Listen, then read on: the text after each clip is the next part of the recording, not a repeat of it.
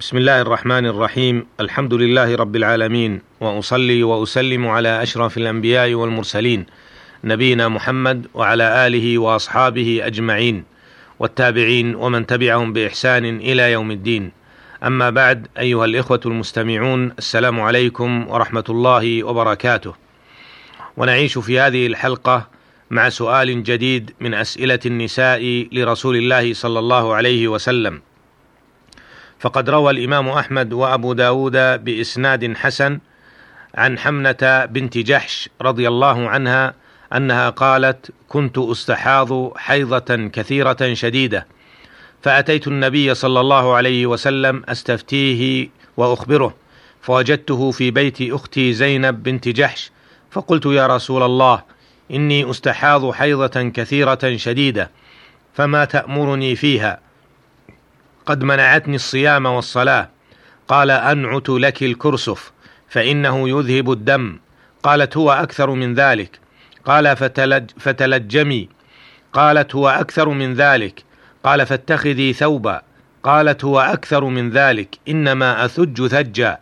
فقال النبي صلى الله عليه وسلم سآمرك بأمرين أيهما صنعت أجزأ عنك. فإن قويت عليهما فأنت أعلم. فقال صلى الله عليه وسلم إنما هي ركضة من ركضات الشيطان فتحيضي ستة أيام أو سبعة أيام في علم الله ثم اغتسلي فإذا رأيت أنك قد طهرت واستنقأت فصلي أربعا وعشرين ليلة أو ثلاثا وعشرين ليلة وأيامها وصومي وصلي فإن ذلك يجزئك وكذلك فافعلي كل شهر فافعلي كل شهر كما تحيض النساء وكما يطهرن لميقات حيضهن وطهرهن. وإن قويت على أن تؤخر الظهر وتعجل العصر فتغتسلين وتجمعين بين الصلاتين الظهر والعصر وتؤخرين المغرب وتعجلين العشاء ثم تغتسلين وتجمعين بين الصلاتين فافعلي. وتغتسلين مع الفجر فافعلي. وصومي إن قدرت على ذلك. قال رسول الله صلى الله عليه وسلم وهذا أعجب الأمرين إلي. هذا الحديث أخرجه الإمام أحمد وأبو داود في كتاب الطهارة كما أخرجه الترمذي وابن ماجه والحاكم والبيهقي وغيرهم كلهم من طرق عن عبد الله بن محمد بن عقيل عن إبراهيم بن محمد بن طلحة عن عمه عمران بن طلحة عن أمه حمنة بنت جحش. وهذا الإسناد إسناد حسن. أيها المستمعون الكرام جاء في الحديث كنت أستحاض حيضة كثيرة شديدة بمعنى أنها كانت تأتيني الاستحاضة وهي الدم المستمر كثيرة في المدة شديدة في الكيفية. قال أنعت لك الكرسف أي أصف لك القطن فإنه يذهب الدم. وقولها إنما أثج إنما أثج ثجا الثج سيلان الدم. والمقصود أنه يخرج دم كثير يسيل وقوله ركضة من ركضات الشيطان بفتح الراء وسكون الكاف بعد بعدها ضاد معجمة وأصل الركض الضرب بالرجل ومنه قوله اركض برجلك والمقصود بركضة من ركضات الشيطان أن الشيطان لبس على هذه المرأة المؤمنة في أمر دينها وقوله فإذا رأيت أنك قد طهرت واستنقأت أي فإذا طهرت وتنظفت وقوله فتحيضي ستة أيام أو سبعة أي اجعلي مدة حيضك ستة أيام أو سبعة فاتركي فيها الصلاة والصيام ثم صلي وصومي في المدة الباقية. هذا الحديث فيه توضيح لحالة من حالات الاستحاضة وهي التي يستمر معها الدم ولم يكن لحيضها مدة معلومة ولا تستطيع أن تميز بين الدم. فأرشدها النبي صلى الله عليه وسلم إلى أنها تحسب مدة حيضها مدة غالب النساء ستة أيام أو سبعة أيام.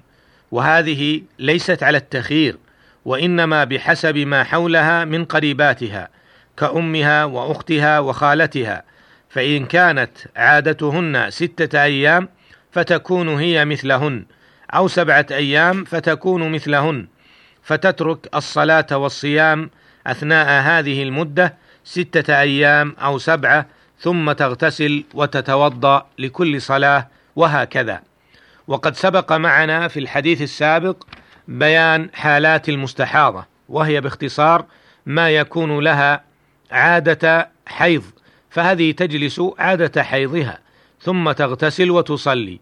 والحال الثانية ما لم يكن لها عادة ولكن تستطيع أن تميز بين الحيض والاستحاضة بنوعية الدم.